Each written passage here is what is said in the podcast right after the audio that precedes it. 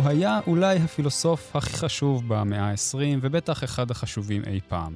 הכתיבה שלו על טכנולוגיה ועל האופן שבו אנחנו חווים דרכה את העולם, השפיעה על החשיבה שלנו יותר ממה שאנחנו יודעים, והאחדות שהוא הציג בין האדם לעולם, היא מהדברים המרגשים ביותר שנכתבו בהיסטוריה של המחשבה האנושית.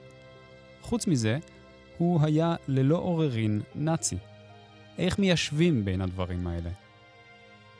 אתם על כאן תרבות, התוכנית גבוהה גבוהה, שבה מדי שבוע אנחנו לוקחים נושא מהכותרות ומפרקים לו את הצורה הפילוסופית.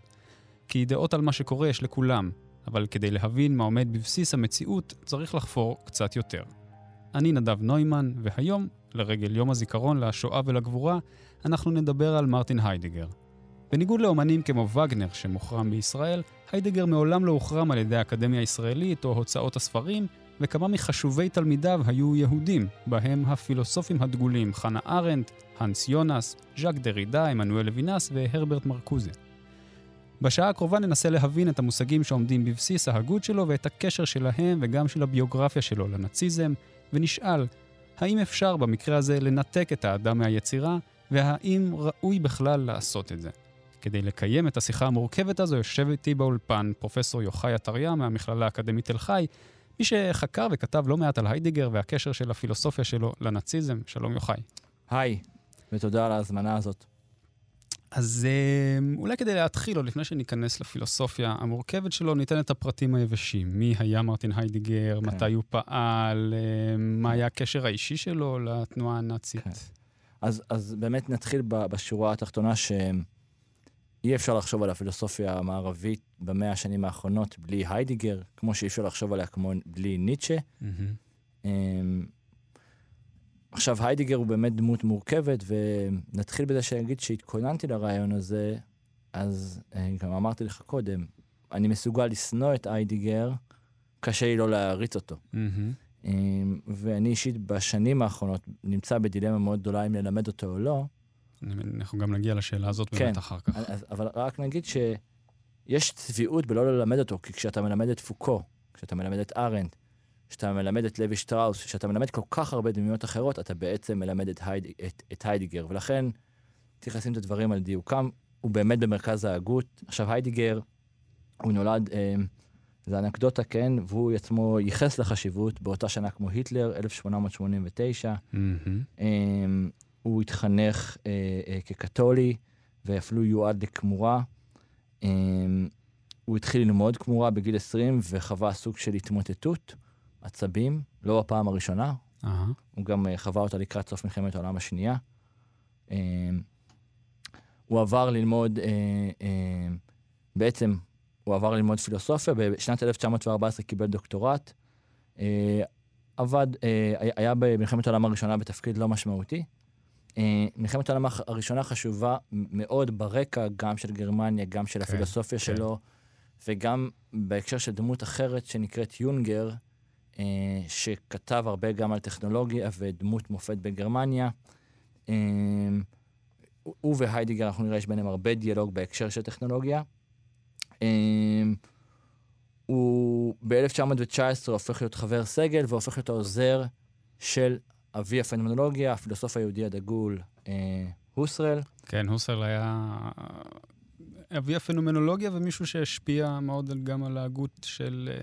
של היידיגר בעצמו. אז אה, הספר הגדול של היידיגר ב-1927, היות וזמן, או כן. הוויה וזמן, הוא בעצם מוקדש להוסרל, למרות שלאורך כל הדרך יש שם, כן, ביקורת מאוד קשה על הוסרל בעצם. אה, אה, זה, גם כבר נעיר להמשך, ההקדשה להוסרל היא, יוצאת אחר כך בשנות ה...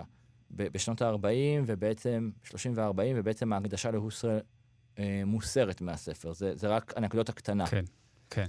ב-1928 הוא בעצם הופך להיות, אה, אה, מחליף את טורסל בראשות החוג, ובשנת 1933, אחרי שהיטלר כבר אה, עולה לשלטון, הוא בעצם הופך להיות הרקטור אה, אה, באוניברסיטה בפרייבורג. כלומר, אה, ואחר כך שהוא הופך להיות רקטור האוניברסיטה בפרייבורג, הוא בעצם חתום על כן. ה... גם על הגירוש של, כן, והפיטורין של אבל... הוסרל וגם של מרצים יהודים נוספים. כן, אבל, אבל בוא נדייק, בוא, בוא רגע נספר רגע איך, איך הוא בכלל מגיע לתפקיד. אז באפריל נכנס מישהו אחר שהיה הרבה יותר ליברל, ולא הסכים לקבל את הצווים נגד היהודים, ותוך uh, יומיים יוצאים ממנו כל מיני דברים בעיתונות, ותוך חמישה ימים הוא מתפטר, והיידיגר, אני אומר פה עם... Uh, uh, אני לא יכול... עם, עם מרכאות, מרכאות uh, שלא uh, רואים, נקרא לדגל, כמו. שהוא מתאר זאת. Uh-huh. Uh, ובעצם הוא מקבל עליו את התפקיד, אבל כבר באיך שהוא מקבל את התפקיד, אז, אז כבר ברור שיש פה משהו מאוד מעוות. זאת אומרת, אף אחד לא התנגד לבחירה שלו, רק שגם היהודים לא הצביעו. זאת אומרת, כבר כן. פה זה אה, ברור שיש משהו מעוות, כמו שנחשוב על היום שיש הצבעה ונשים לא מצביעות, או ערבים לא מצביעים, זה ברור כבר שיש פה איזה, איזה עניין. אה, מדובר ב-13 חברי סגל, לא, וגם בחברי סגל מר, אה, מרכזיים. במאי הוא נושא את נאום הרקטור המפורסם, ששם מה שחשוב בנאום הזה... מאי 1933. כן, מה שחשוב בנאום הזה, שהוא משלב מושגים קלאסיים ויסודיים אה, אה, במחשבה הנאצית, כמו דם, אדמה, מנהיג, אה, אותנטיות, בחירה אותנטית, עם המושגים המרכזיים בפילוסופיה שלו. זאת אומרת, יש פה שאלה, שהתחלת איתה, והיא שאלה מאוד מאוד מאוד מרכזית. עד כמה הקשר בין היידיגר לנאציזם הוא עמוק. עכשיו, ואנחנו נדגיש שאנחנו עדיין בביוגרפיה, כלומר, בביוגרפיה, אנחנו אפילו כן. לא נכנסנו. לפילוסופיה נכון. שלו. אז, אז, אז פה בועז נוימן, שאנחנו נדבר עליו עוד, שכתב ספר אה, חשוב, היסטריות חדשות של הנאציזם, שואל משהו מאוד חשוב. הוא אומר את הדבר הבא, נורא קל לנו להגיד שתראו, למרקסיזם יש את מרקס, או ל... כן? ויש שם פילוסופיה עמוקה, אבל בעצם הנאציזם זה רק איזושהי שאיפה לעוצמה, mm-hmm. איזה משהו, אין שם שום עומק. Mm-hmm. והוא שואל שאלה עמוקה, האם הפילוסופיה של היידיגר, שאולי הפילוסופיה אמרנו הכי עמוקה במאה ה-20, mm-hmm. אולי לא, אולי יש הרבה אנשים שאומרים שזה רק דיבורים, אה, מילים ריקות, אבל בוא נניח רגע שלא, האם היא באמת פילוסופיה עמוקה שיושבת בבסיס הנאציזם, ככה שלנאציזם יש עומק. זה, זה, זה בעצם השאלה. Mm-hmm. או האם מדובר בפילוסופיה לחוד ונאציזם לחוד, אה, באנטישמיות לחוד ובפילוסופיה לחוד. נראה שהקשר הרבה יותר עמוק ממה שהיינו רוצים להאמין. ממה שנותנים קרדיט בדרך כלל לאידיאולוגיה הזאת. בשנים האחרונות, אנחנו תכף נדבר, אחרי שהתפרסמו היומנים השחורים של איידיגר, ברור שיש קשר מאוד מאוד מאוד עמוק בין הפילוסופיה שלו לבין הנאציזם. היומנים השחורים של היידיגר, נגיד, זה יומנים אישיים שלו שהתפרסמו כן, אז, אה, אח, אה, אחרי מותו. אז, ש... אז הוא ש... כותב יומנים משנות ה-30 עד כמעט שהוא מת, והם התפרסמו, הוא ביקש שהם יתפרסמו, וכך אכן קרה רק אחרי שכל הכתבים שלו, שזה אין סוף כתבים, התפרסמו בש... אה, בעשור האחרון, והם יצאו המון המון המון עדים, המון כתיבה מחודשת. בעיקר כי יש שם באמת, מלבד, יש שם 1,200 מילי, אה, עמודים, בלי סוף מילים, אבל יש שם לא, לא מעט פעמים, לא המון, כן? Mm-hmm. בואו נשים את הדברים בפרופורציה. יש המון אנשים שעוסקים באובססיביות בספירה של כמה פעמים הוא מדבר על יהודי. כן, אז, אז הספירה היא 14 פעמים שהוא mm-hmm. אומר את זה, או עשרה עמודים, אבל האמירות הן מאוד מאוד ברורות. ודווקא אני לא מדבר על האמירות הקלאסיות, ש, שהוא ממש רואים שהוא מדבר בצורה של פרופוגנדה נאצית, אלא אני מדבר יותר על דברים שלמשל פתאום הוא אומר על הוסר, על המורה שלו, שבגלל, שאומנם הוא עשה מהלך מדהים, אבל בגלל היותו יהודי, אין לו יכולת אה, להגיע לראיית עומק. זאת אומרת, mm. ופה זה מתחיל להיות יותר בעייתי. אין לו יכולת בגלל שהוא יהודי, למה? כי יהודי מנותק מהאדמה, שזה מושג יסודי אצל היידיגר, כן. מושג גם יסודי בנאציזם. האדמה, ה, ה, כן? החיבור הזה, הם מנותקים מהעולם, היהודים, והוסרל הוא מנותק מהעולם.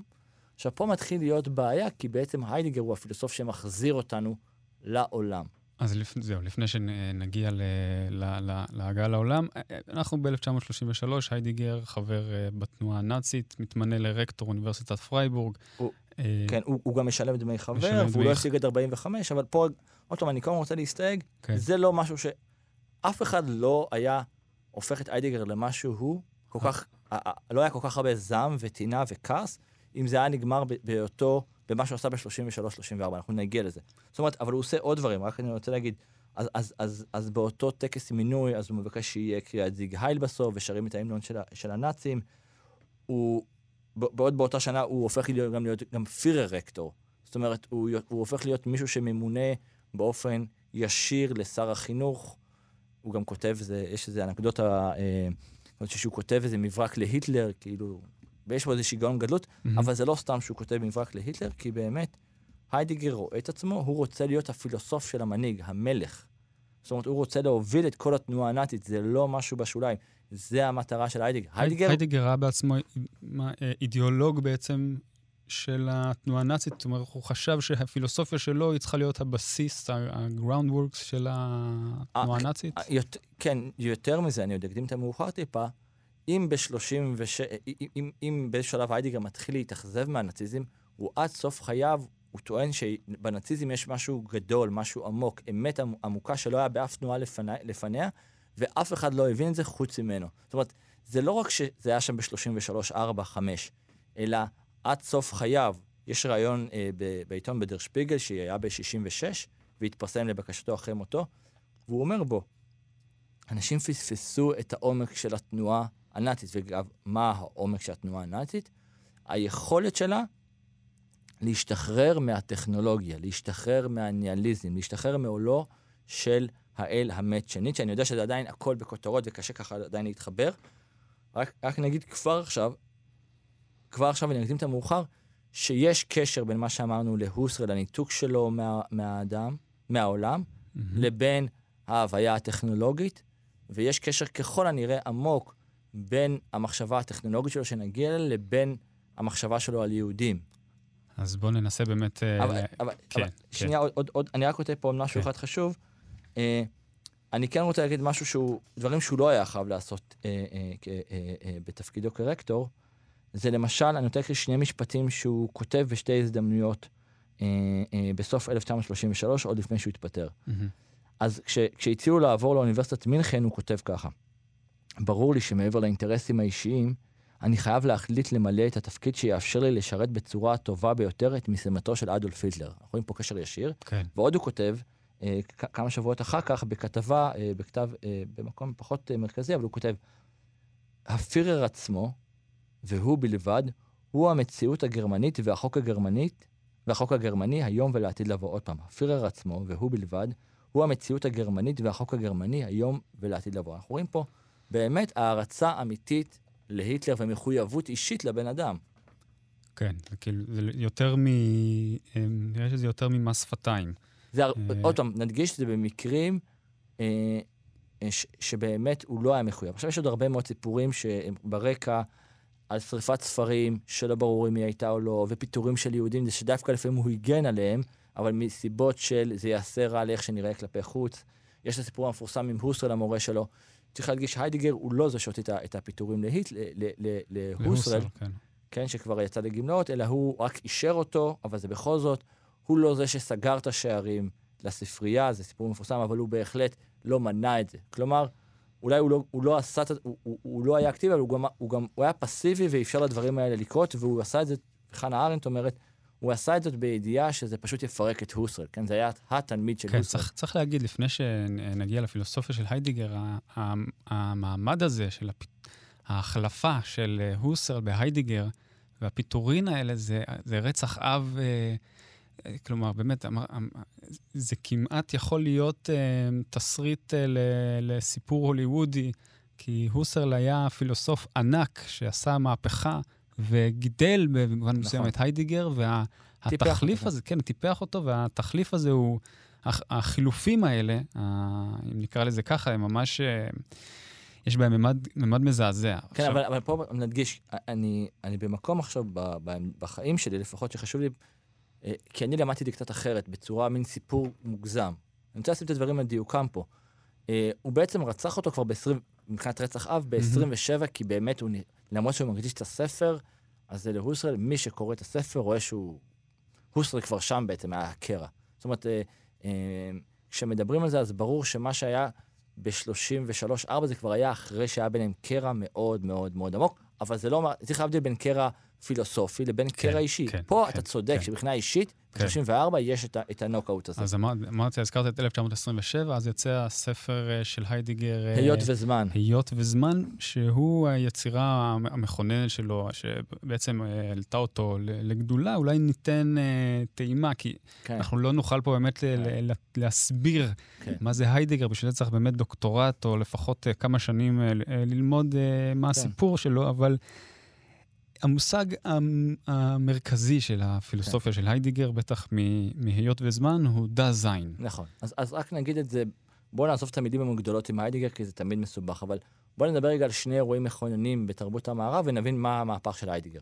אז המהלך הגדול הראשון זה אפלטון והכניסה למערה. מה יש בכניסה למערה? אנחנו בעצם מתנתקים מהעולם, ונכנסים לתוך איזשהו עולם של ייצוגים. אני לא רואה את העולם, אני מייצג אותו, ויש פה מהמם, איזושהי התכנסות פנימה. כן. אחרי עוברות, עוברים כמה אלפי שנים, ומגיע דקארט עם האני חושב, משמע אני קיים. האני חושב זה עוד פעם בידוד של האני מהעולם. Okay, התפיסה המערבית בגדול היא תפיסה של אני כן. במרכז, נפרד מהעולם, שולט בעולם. עוד פעם, אנחנו נחזור לזה, זה המטאפיזיקה היצרנית. אני נפרד, מייצג את העולם. סובייקט ואובייקט. כן, אבל גם אני רוצה להגיד, הייצוג של העולם הוא כבר, ועל זה לוינס אומר, ברגע שאני מייצג את העולם, זה כבר הכנה לאלימות. ברגע שאני מייצג משהו, אני הופך אותו לאובייקט, כבר אני יכול לתמרן אותו, כבר אני מאבד את הממד האנושי, אני מאבד את המבט.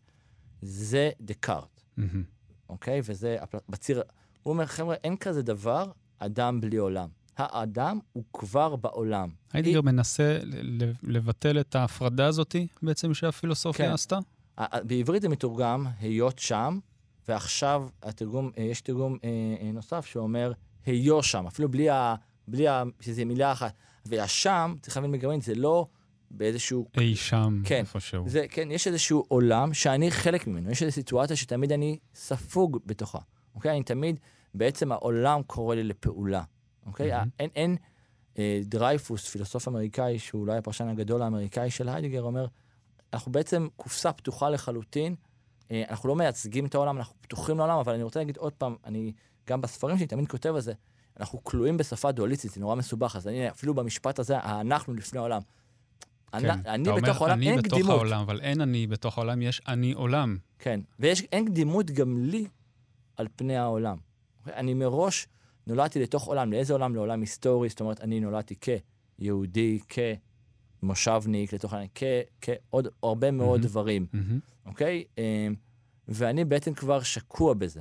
עכשיו, היידיגר בעצם, המהלך הזה כשלבדו, פירוק הסובייקט, הוא כבר כשלעצמו הכניס אותו למה שנקרא לתוך דפי ההיסטוריה לבד, בלי כל מה שבא אחר כך. אוקיי? ו- וזה היה המהלך הגדול, ואני אני רוצה להגיד שהתחלתי בתוכנית ואמרתי, אני, לא יכול, אני יכול לשנוא אותו, אני לא יכול לא להריץ אותו, אז גם עכשיו שאתה קורא את הדברים האלה, ונגיד אני מלמד את דקארט ומלמד את כל החבר'ה האלה, אתה אומר, באמת יש פה תפיסה אחרת לחלוטין, הבנה אחרת, ו- ומבחינתי גם הבנה שהיא יותר נאמנה לחיים שלנו. היידיגר הוא בעצם, כמו שאני רואה את זה, מחובר עם כל האיברים לקרקע, לאדמה. כן. אבל, אבל עוד פעם, יש פה איזה טוויסט של אדמה זה כבר, אה, לוינס אומר לו, לוינס היה תלמיד שלו, וכל החיים היה בדיאלוג איתו, הוא אומר, החיבור הזה לאדמה זה כבר אנטישמיות אצלו. אז נגיע באמת ללמה זה אנטישמיות, אבל לפני זה נעבור אולי בטכנולוגיה, כי היידיגר היה כן. פילוסוף טכנולוגיה ענק, וזה גם מה שיחבר אותנו בעצם ל, ל, ל, למה הפילוסופיה שלו עצמה כן. היא נאצית. אז עכשיו, עכשיו אני מסתכל רגע על, um, על העט הזה. אוקיי? אני מחזיק פה איזה עט. אז העט הזה שאני מסתכל עליו, אני כבר מסתכל עליו כמשהו שהוא מוכן לשימוש. ready to hand. הוא. מזמין אותי לכתוב איתו. אוקיי? בשביל זה אה, חשוב לנו הרבה פעמים ה- החוד, ואיך שזה אוחז בדף, ואיך שאני אוחז אותו ומחזיק את זה. אה, הוא מזמין אותי לפעולה. אני לא צריך לייצג אותו, אני הייתי אומר, אני אפילו לא רואה אותו. אני ישר רואה מה אני עושה איתו בעולם. אוקיי? אני, אני רואה אותו בשימושיות שלו. יש את עקרון התכליתיות של, של אריסטו, אבל, שבעטו אותו מתוך המדע. אבל בהקשר הזה של החיים שלנו, כן, אנחנו תכליתיים, אנחנו רואים מה, מה אנחנו אמורים לעשות עם הדברים. זה, זה גם, יש פה הסכמה, הסכמה עם ויטגנשטיין. אוקיי? אז, אז אני מסתכל על משהו בשימושיות שלו, ובואו נגיד ככה, ברגיל אני שוכח שיש לי גוף, נכון? אני לא מרגיש שיש לי גוף, אני פשוט מדבר עכשיו, אני לא מהמם. מבין איך המילים האלה מגיעות וכל נכון. השפת גוף שלי. אותו דבר, כשהעט הוא במצב, אני באיזשהו flow, העט הוא פשוט חלק ממני. אנחנו גם יודעים את זה מבחינה מוחית, שהעסק הזה הוא באמת, היד שלי נמשכת לתוך העט, ואני דרך העט בעולם. הדוגמה, כמו שאנחנו נוסעים במכונית, ואנחנו לא אנחנו, אנחנו המכונית. אנחנו... הדוג- נכון, הדוגמה הכי קלאסית היא של מרלו פונטי, שאומר אה, שעיוור הולך עם מקל נחייה, הוא פשוט רואה את העולם דרך המקל, המקל הוא לא נפרד כן. ממנו. זה המצב האולטימטיבי. זה מצב של ready to hand. יש מצב שנקרא unready to hand, למשל, כשהעכבר הזה שאתה משחק איתו, או שהפלאפון שלי נגמרת לו הבטריה, הוא נגיע למצב שהוא, אפשר להגיד, תקול. מהמם. הוא, הוא לא מוכן לשימוש, אבל אני רק צריך לשים בו בטריות והוא יהיה מסודר, אוקיי? אז במובן הזה אני יכול לתקן אותו. אבל יש מצב אחר לגמרי, שנקרא present at hand. זה מצב, אפשר להגיד שזה מצב של חרדה, מצב שאני פתאום גם מבין שאני חלק מההמון, זה מצב, מצב מאוד חשוב לכל הפילוסופיה של היידיגר, אבל פתאום אני מסתכל על הכלי הזה, ואני לא יודע מה אני אמור לעשות איתו. אני אתן לך דוגמה שעכשיו פתאום עולה לי בראש. כשאני זוכר את עצמי במלחמת לבנון, מהמם. השנייה, מהמם. אז אני באיזשהו אירוע ויורים עליי. כן. ויש לי רימון, ואני אמור, אני מסתכל, ואני אמור לעשות איתו משהו, ואני מסתכל על הרימון, ואני פשוט אפילו לא מבין על מה אני מסתכל. אני מסתכל על הנשק אני, אני אפילו לא יודע כאילו איך להכניס את המחסנית פנימה. זה מצב שבו אתה בחרדה ואתה אפילו לא מצליח להבין מה, מה זה הכלי הזה.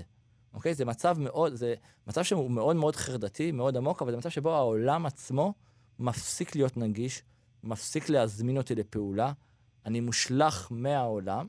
זה אבל, גם אבל, מצב... זה, אבל זה גם המצב שבו אתה שם לב לכלי שאתה משתמש בו. היידיגר נכון. נותן את הדוגמה של הפטיש, כן, שכל עוד הפטיש עובד, אז אנחנו בכלל לא שמים לב אליו, שוכח, כן. כשהוא, אה, כשהוא נשבר, אז פתאום אנחנו מסתכלים עליו ואנחנו כן. בעצם מנותקים מהפעולה, אבל שמים לב ל... אז עכשיו, אני, אני לדבר. כבר רוצה להגיד פה קישור, אני עושה פה עכשיו קישור שאני יודע שהוא כזה קפיצה גדולה, ובכל זאת אני אעשה אותו.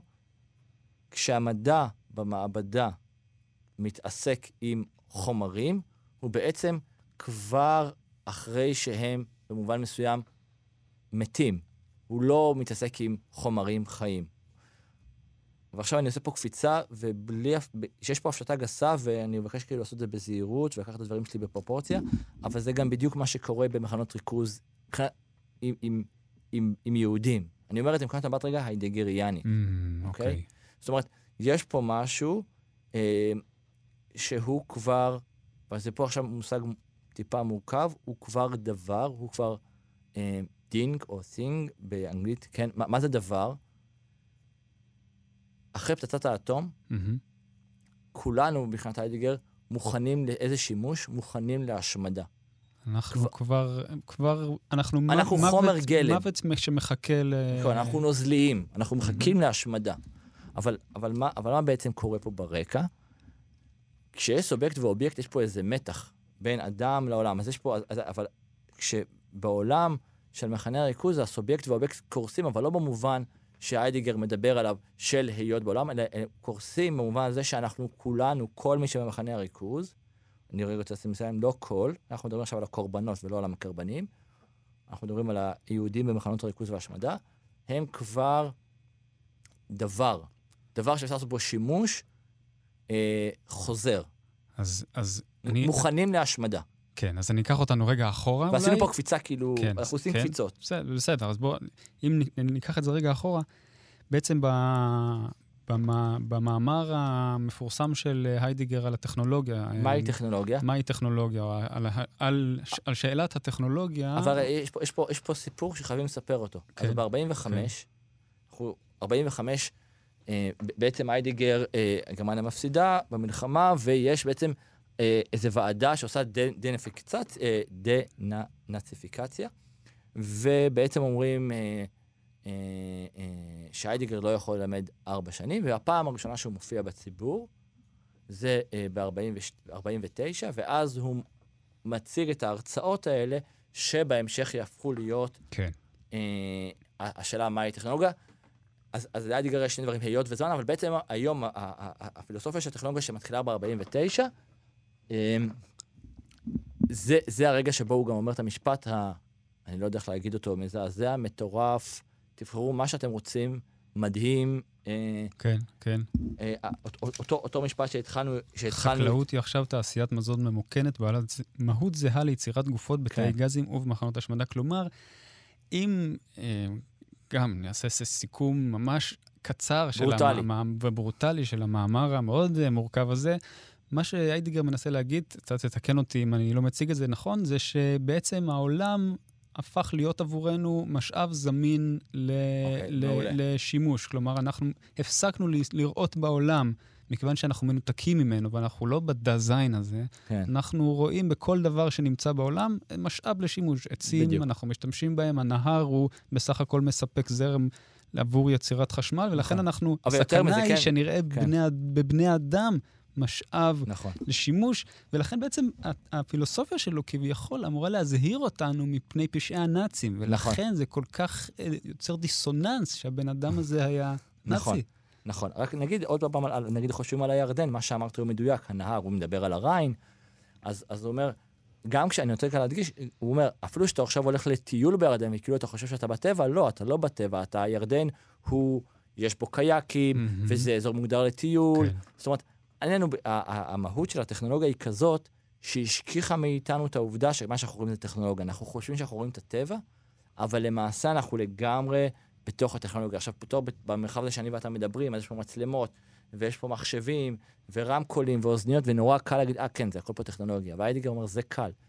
גם כשאתה חושב שאתה בטבע, אתה בטבע שהוא מגודר, כי יש אזור שצה"ל מתאמן בו, ויש אזור שהוא לטיול ב- רק בשבת, והמסלולים מסומנים, וגם כמו שהסברתי לבן שלי, אתה אומנם חושב שאתה הולך עכשיו באחו, אבל האחו הזה זה אחו שפרות אוכלות בו וגידרו אותו, והם שינו את כל תוואי הקרקע ואת הצמחייה, ואתה, והן גדולות כדי שתאכל אותם. ואתה מסתובב ורואה שדות של אה, אה, אה, אה, תחמיץ, אבל התחמיץ הזה הוא בעצם בשביל להאכיל את הפרות האלה, שאתה תאכל, זאת אומרת, יש פה איזה מעגל אינסופי, שבו אתה חושב שאתה רואה טבע, אבל בעצם אתה רואה טכנולוגיה, אתה נשלט לחלוטין על ידי טכנולוגיה. זה וזה- היידיגר. וזה, וזו הייתה אזהרה של היידיגר. כלומר, הוא, הוא בעצם, בניגוד לפילוסופים אחרים אולי, שראו בטכנולוגיה... כלי. אה, כלי אמצעי להשגת נכון. איזו מטרה, הוא אומר משהו אחר, לגמרי. משהו אחר הוא לגמרי. אומר, זו הטעות היסודית. הוא אומר, א', כל מי שחושב שטכנולוגיה היא טובה או רעה או ניטרלית, פשוט לא מבין מה זה טכנולוגיה. המושגים האלה הם לא נכונים. כי, כי אתה חושב שטכנולוגיה זה משהו, כאשר טכנולוגיה זה לא משהו, אלא הוויה. הוא אומר, טכנולוגיה זה גם לא כלי. הוא אומר, הוא לא, כן, היידיגר הוא בטח לא מטומטם. הוא מבין שזה גם כלי, כן. אוקיי? אבל הוא אומר, המהות של טכנולוגיה זה לא כלי, אלא זה דרך מחשבה, הוויה מסוימת, שקודמת, אגב, לשיטה הקפיטליסטית, שקודמת, כן, זה הוויכוח שלו עם מרקס, שקודמת לפילוסופיה המערבית, שקודמת לניאליזם, שאנחנו, שנדבר... קודמת לקאנט, והמחשבה שלו שצורת ההכרה שלנו היא שקובעת את האופן שבו אנחנו חווים את המציאות. הוא אומר ממש, הטכנולוגיה היא הדבר זה חוזר לאריסטו. הראשוני. כשחוזרים למושג, דיברנו בורא עולם, העולם, הבורא עולם כארכיטקט, כבנאי, כמהנדס. זה הולך מאוד מאוד מאוד רחוק, וכל מה שאנחנו עושים, כשמישהו חושב שבפילוסופיה הוא נתן טיעון לוגי נורא נורא מוצלח, הוא בעצם כבר כבול למחשבה הטכנולוגית, ופה אני רוצה לעשות עוד פעם את הקפיצה הגדולה. אותה הוויה חישובית, מבחינת היידיגר, זה הוויה יהודית. רגע, זה, זה מצריך הסבר. זה מצריך, זה זה באמת- מצריך הסבר. מה, מה זאת ההוויה החישובית ולמה, ומה, ואיך זה מתקשר ליהדות? אז היידיגר אומר שאנחנו, שהטכנולוגיה במובן המהותי העמוק ביותר, זה איזושהי דרך מחשבה. זה דרך שהיא חישובית. אוקיי? במובן הזה, אצל היידיגר, הטכנולוגיה, ההוויה הטכנולוגית קודמת למדע. עכשיו, בצורה כפולה, זה לא רק שהטלסקופ קדם לגילוי, לגילויים של גלילאו, זה ברור, אלא שהמחשבה הזאת, המחשבה הטכנולוגית שרוצה לפרק את הכל לגורמים, אוקיי? אמ, אתן דוגמה מהיום. לפעמים כשאתה נמצא בדיאלוג עם אנשים שהם אה, כלכלנים או רואי חשבון, אתה מרגיש שהם רואים את העולם דרך טבלאות אקסל, שהם באמת כן, חושבים שטבלאות האקסל מייצגות את העולם. כן.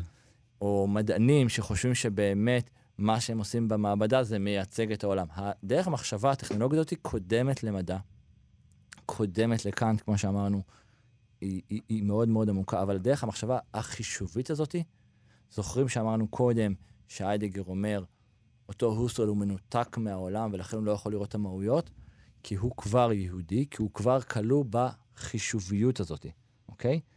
אמ, כלומר, מבחינת היידיגר, היהדות, יש בה אה, משהו אה, מהותי שהוא... נדגיש, יש אפשרות לקרוא ככה את היידיגר, אוקיי? Mhm. יכול להיות, יש הרבה מומחים להיידיגר, אני לא המומחה בידיעה, אבל אם למשל קוראים את, את, את, אה, את לפידות, שהוא בהחלט, את אלעד לפידות, שהוא בהחלט מבין היידיגר, גר היום בגרמניה ומתרגם אותו מגרמנית, ואם קוראים עוד הרבה את עמית קרביץ, שגם אה, אה, קורא גרמנית ומבין היטב בהיידיגר, ואם קוראים הרבה אחרים, אה, מתחילים להבין שיש פה קשר שהוא יותר מדי עמוק. כלומר, ההוויה הטכנולוגית היא הוויה יהודית. מה זה הוויה יהודית? זה ההוויה שבה איבדנו את היכולת להיות בעולם. אם הטכנולוגיה אפשר... להיידיגר יש את כל העניין של חזרה לטבע, וחזרה ליער השחור, ולהלך בשבילים. אם זה הגרמניות, אם הגרמניות זה, ואם הנצי, הנאציות חיבור זה... חיבור לאדמה חיבור מחדש. חיבור לאדמה וליער השחור, כן. וחזרה לקרקע, ומשהו רומנטי כזה, אז היהדות היא הניתוק המוחלט מהקרקע, חוסר היכולת לשהות בעולם. עכשיו, פה עמית קרביץ, אה, שהוא גם חבר טוב, אומר בצדק, הוא אומר, זה בסך הכל סטריאוטיפ אנטישמי, לא רק נאצי, שים לב. נכון. יש פה פשוט אנטישמיות קלאסית. כן, יהדות שמנותקת מה... יהדות עירונית, נכון. מנותקת והוא, מהטבע. והוא כאילו לוקח את זה מאוד מאוד מאוד אחורה, ואומר את הדבר הזה באמת. היהדות היא כשלעצמה ניתוק, היא כשלעצמה חישוביות. רעיון הגזע, למשל, אצל היידיגר, מקורו ביהדות, באותה חישוביות יהודית, וזה גם מהות הטכנולוגיה, ולכן זה אותה מהות. עכשיו אני רוצה לעשות פה מהלך, עכשיו, עכשיו בואו נחזור לרעיון הזה. מה זאת אומרת היידיגר מדבר על... היידיגר, הוא, הוא, אומר, הוא אומר שני משפטים אה, מאוד חשובים באותה הרצאה, נכון? אז הוא אומר, הוא אומר שני משפטים. אז המשפט הראשון שהוא אומר, החקלאות היא עכשיו תעשיית מזון ממוכנת, בעלת מהות זהה ליצירת גופות, בתאי גזים ובמחנות השמדה. Mm-hmm. עכשיו, כשהוא מדבר על יצירת גופות, הוא אומר באותה הרצאה, הוא אומר, מאות אלפים מתים בהמוניהם. האם הם מתים? הם הופכים לפריטים במפעל ליצירת גופות, כן? אושוויץ זה מפעל ליצירת גופות, אבל המפ... מה, מה, מה זה מפעל ליצירת גופות? זה מפעל טכנולוגי. והמהות של המפעל הטכנולוגי הזה, זה בעצם המחשבה היהודית. כלומר, הוא אומר, אושוויץ היא תוצאה של מחשבה יהודית, אבל הוא אומר עוד יותר מזה, הוא אומר משהו עוד יותר קיצוני מהדבר הזה, אפילו שמה שעכשיו אמרנו קיצוני זה עוד יותר קיצוני. אמ, הוא אומר את הדבר הבא, הטכנולוגיה, בסופו של דבר, היא תקלה את כל החומרים. Mm-hmm. היא, היא, כמו שאגב, אנחנו עכשיו, בקטע הזה אנחנו רואים, הוא צודק. כן. היא מקלה את הסביבה, והיא בסופו של דבר תגיע להשמדה עצמית. ובמובן הזה הוא אומר, איפה הדבר הזה מגיע לשיא? באושוויץ. בעצם, באושוויץ אנחנו רואים טכנולוגיה שמשמידה את עצמה. היהודים משמידים את עצמם. המחשבה היהודית היא לא רק יצרה את הרעיון הזה, את האפשרות לחשוב על אושוויץ, היא גם בעצם, אנחנו רואים פה את שיא הטכנולוגיה, את שיא היהדות. אז לא רק שהוא לוקח, אושוויץ מבחינה הזאת לוקח מהיהודים גם את החיים, אבל גם את המוות שלהם. כלומר, אפילו המוות הוא כבר לא מוות של אדם, אלא המוות עצמו הוא, הוא ייצור, הוא, הוא, כן. הוא מוצר. זה, הוא מוצר. זה, זה, זה מפעל שהתפקיד שלו זה לייצר גופות, אבל יותר מזה... שהמקור שלו במחשבה היהודית, הוויה יהודית. אז היידיגר בעצם מחזיק פה במקל משני קצותיו. מצד אחד, אין ספק שהוא, לא יודע אם אין ספק, אבל יש טענה רווחת שהוא ללא ספק אנטישמי. הוא היה חבר במפלגה אגב, הנאצית. אגב, אנטישמי, אנטישמי מסוג מה שנקרא אנטישמי מטאפיזי. הוא לא אנטישמי כן. מהגץ, אגב, כי הוא פשוט דוחה מדע בהרבה מובנים. הוא אנטישמי מטאפיזיקה, זאת אומרת, הוא דוחה את היהדות, רק נגיד בהערה זה, שדרידה שואל בצדק, שלא בטוח שזה יותר גרוע מאנטישמיות כן. רגילה, אלא למעשה... ז'אק דרידה, שהוא גם הוא היה כן. תלמידו של, נכון. של היידיגר. אבל נכון. רגע, היידיגר מאשים במובן מסוים את היהדות באפשרות ליצור את אושוויץ. אבל אושוויץ היה הגילום המושלם והמזעזע של האידיאולוגיה הנאצית. כלומר, היידיגר בעצם אוחז פה במקל משני קצותיו, שזה, שזה מעשה מזעזע. אבל אני רוצה לשאול אותך. רגע, אתה אומר שזה מעשה מזעזע, הבעיה היא שהיידיגר עצמו, אדם שכתב בלי סוף, פשוט אי אפשר לתאר כמה שהוא כתב, מעולם לא היה מסוגל להגיד את המשפט הזה. מדובר היה באירוע מזעזע. כן. הוא לא היה מסוגל... גם כשביקשו ממנו להתייחס לזה, הוא תמיד מצא את הדרך אה, להתפתל. אה... להתפתל, אה, ו- כן, להתפתל זה אפילו, כן, זה אפילו לתת לו קרדיט. אני אומר, הוא לא התפתל, או שהוא שתק, או שהוא פשוט... או שהוא פשוט אמר גם בסין אה, עושים דברים מזעזעים, כן, דברים ו- כאלה. ודרידה אמר, פשוט לא נראה שזה כל כך הטריד אותו. כן. פשוט כן. ככה, זה... ועוד פעם, אני רוצה לעשות פה איזה חזרה. אותו איידיגר, שהיה היה באמת 30 34 רקטור, ומעולם לא התנצל על מה שהוא אמר ועשה, ומקסימום שהוא עשה זה שתק. אה, יש את, את המפגש המפורסם שלו עם פול צלן, שאפילו שם הוא כנראה לא, הדברים לא ידועים עד הסוף, נכתב על זה המון, אבל כנראה הוא לא התנצל, ואנחנו מכירים שפול צלן אחר כך התאבד. פול צלן המשורר, היה כן. להם- היה להם קשר אה, עמוק. עמוק מאוד. הוא העריץ אותו למשל, אבל תן עוד דוגמה, תראה, הוא מר- הוא אומר, פול צלן הוא המשורר הגדול ביותר שחי, אבל הוא מעולם, נגיד, לא התייחס לשירה שלו, ואנחנו יודעים שהוא בן אדם שהתייחס אה, להרבה מאוד הלדר- משוררים גרמנים. אה, משורר הלדרלין למשל, כן. אה, הוא היה, כן. כן. אני רוצה אבל לשאול אותך בכל זאת, המשפט הזה שאנחנו חוזרים עליו שוב ושוב, כי הוא באמת, אה, יש בו משהו מה essence של, גם של הפילוסופיה שלו וגם של ההתבטאויות הברורות שלו לגבי זוועות הנאצים. כן. המשפט הזה, חקלאות היא עכשיו תעשיית מזון ממוכנת, בעלת מהות אוקיי. זהה זהה ליצירת גופות בתאי גזים ובמחנות השמדה.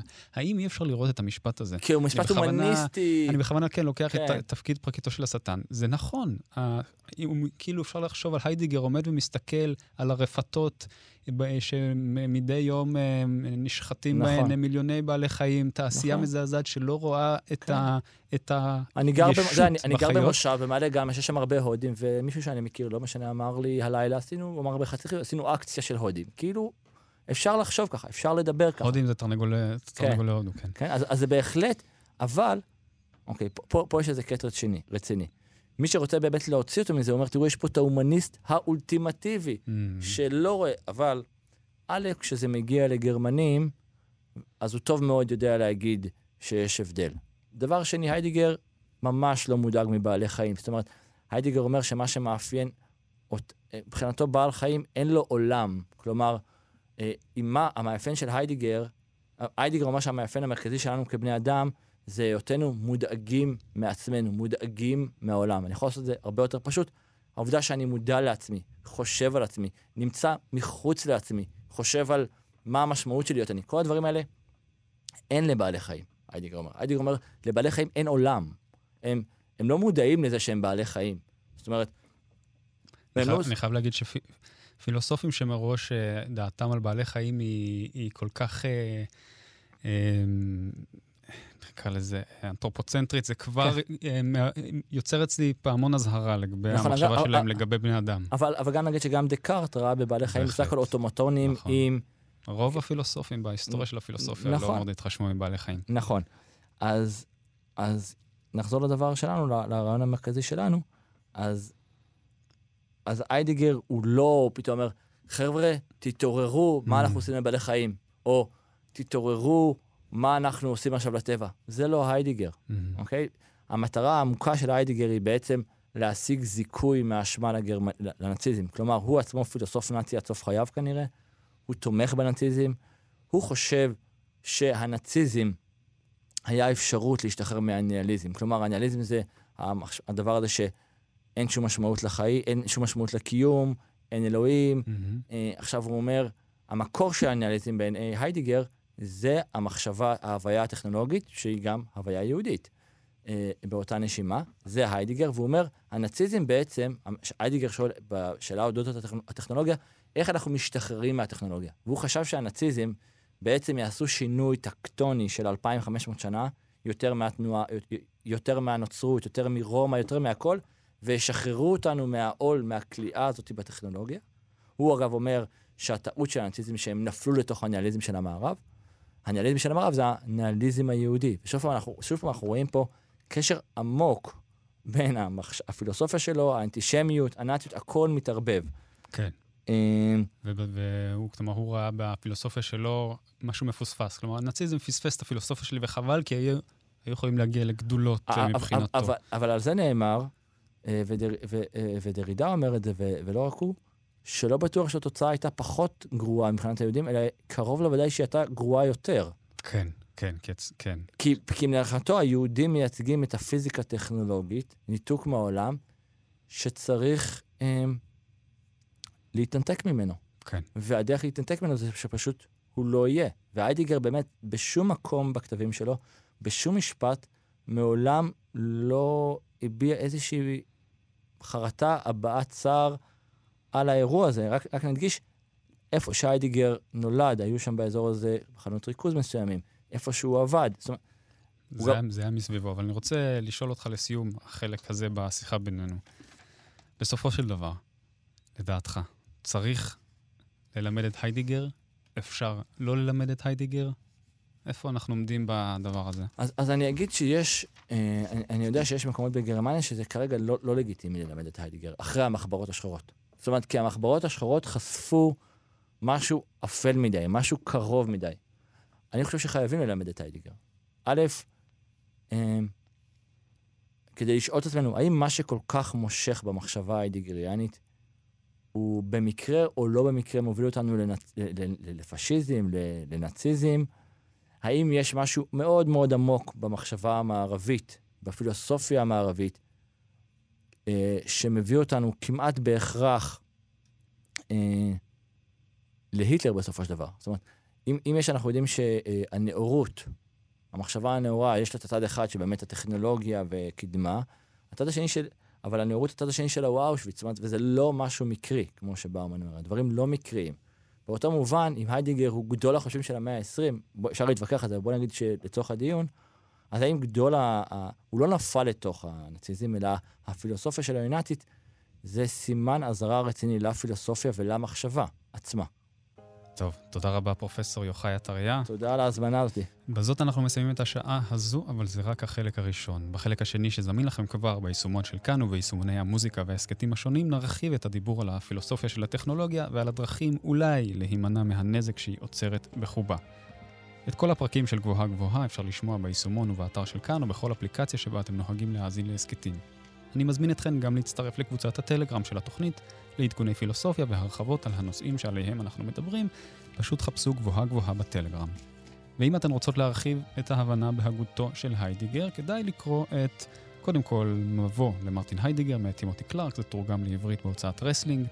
מי שבאמת uh, רוצה להעמיק, אפשר לקרוא את Being and Time ואת The Question Concerning Technology, שני החיבורים המהותיים שלו לשיחתנו היום.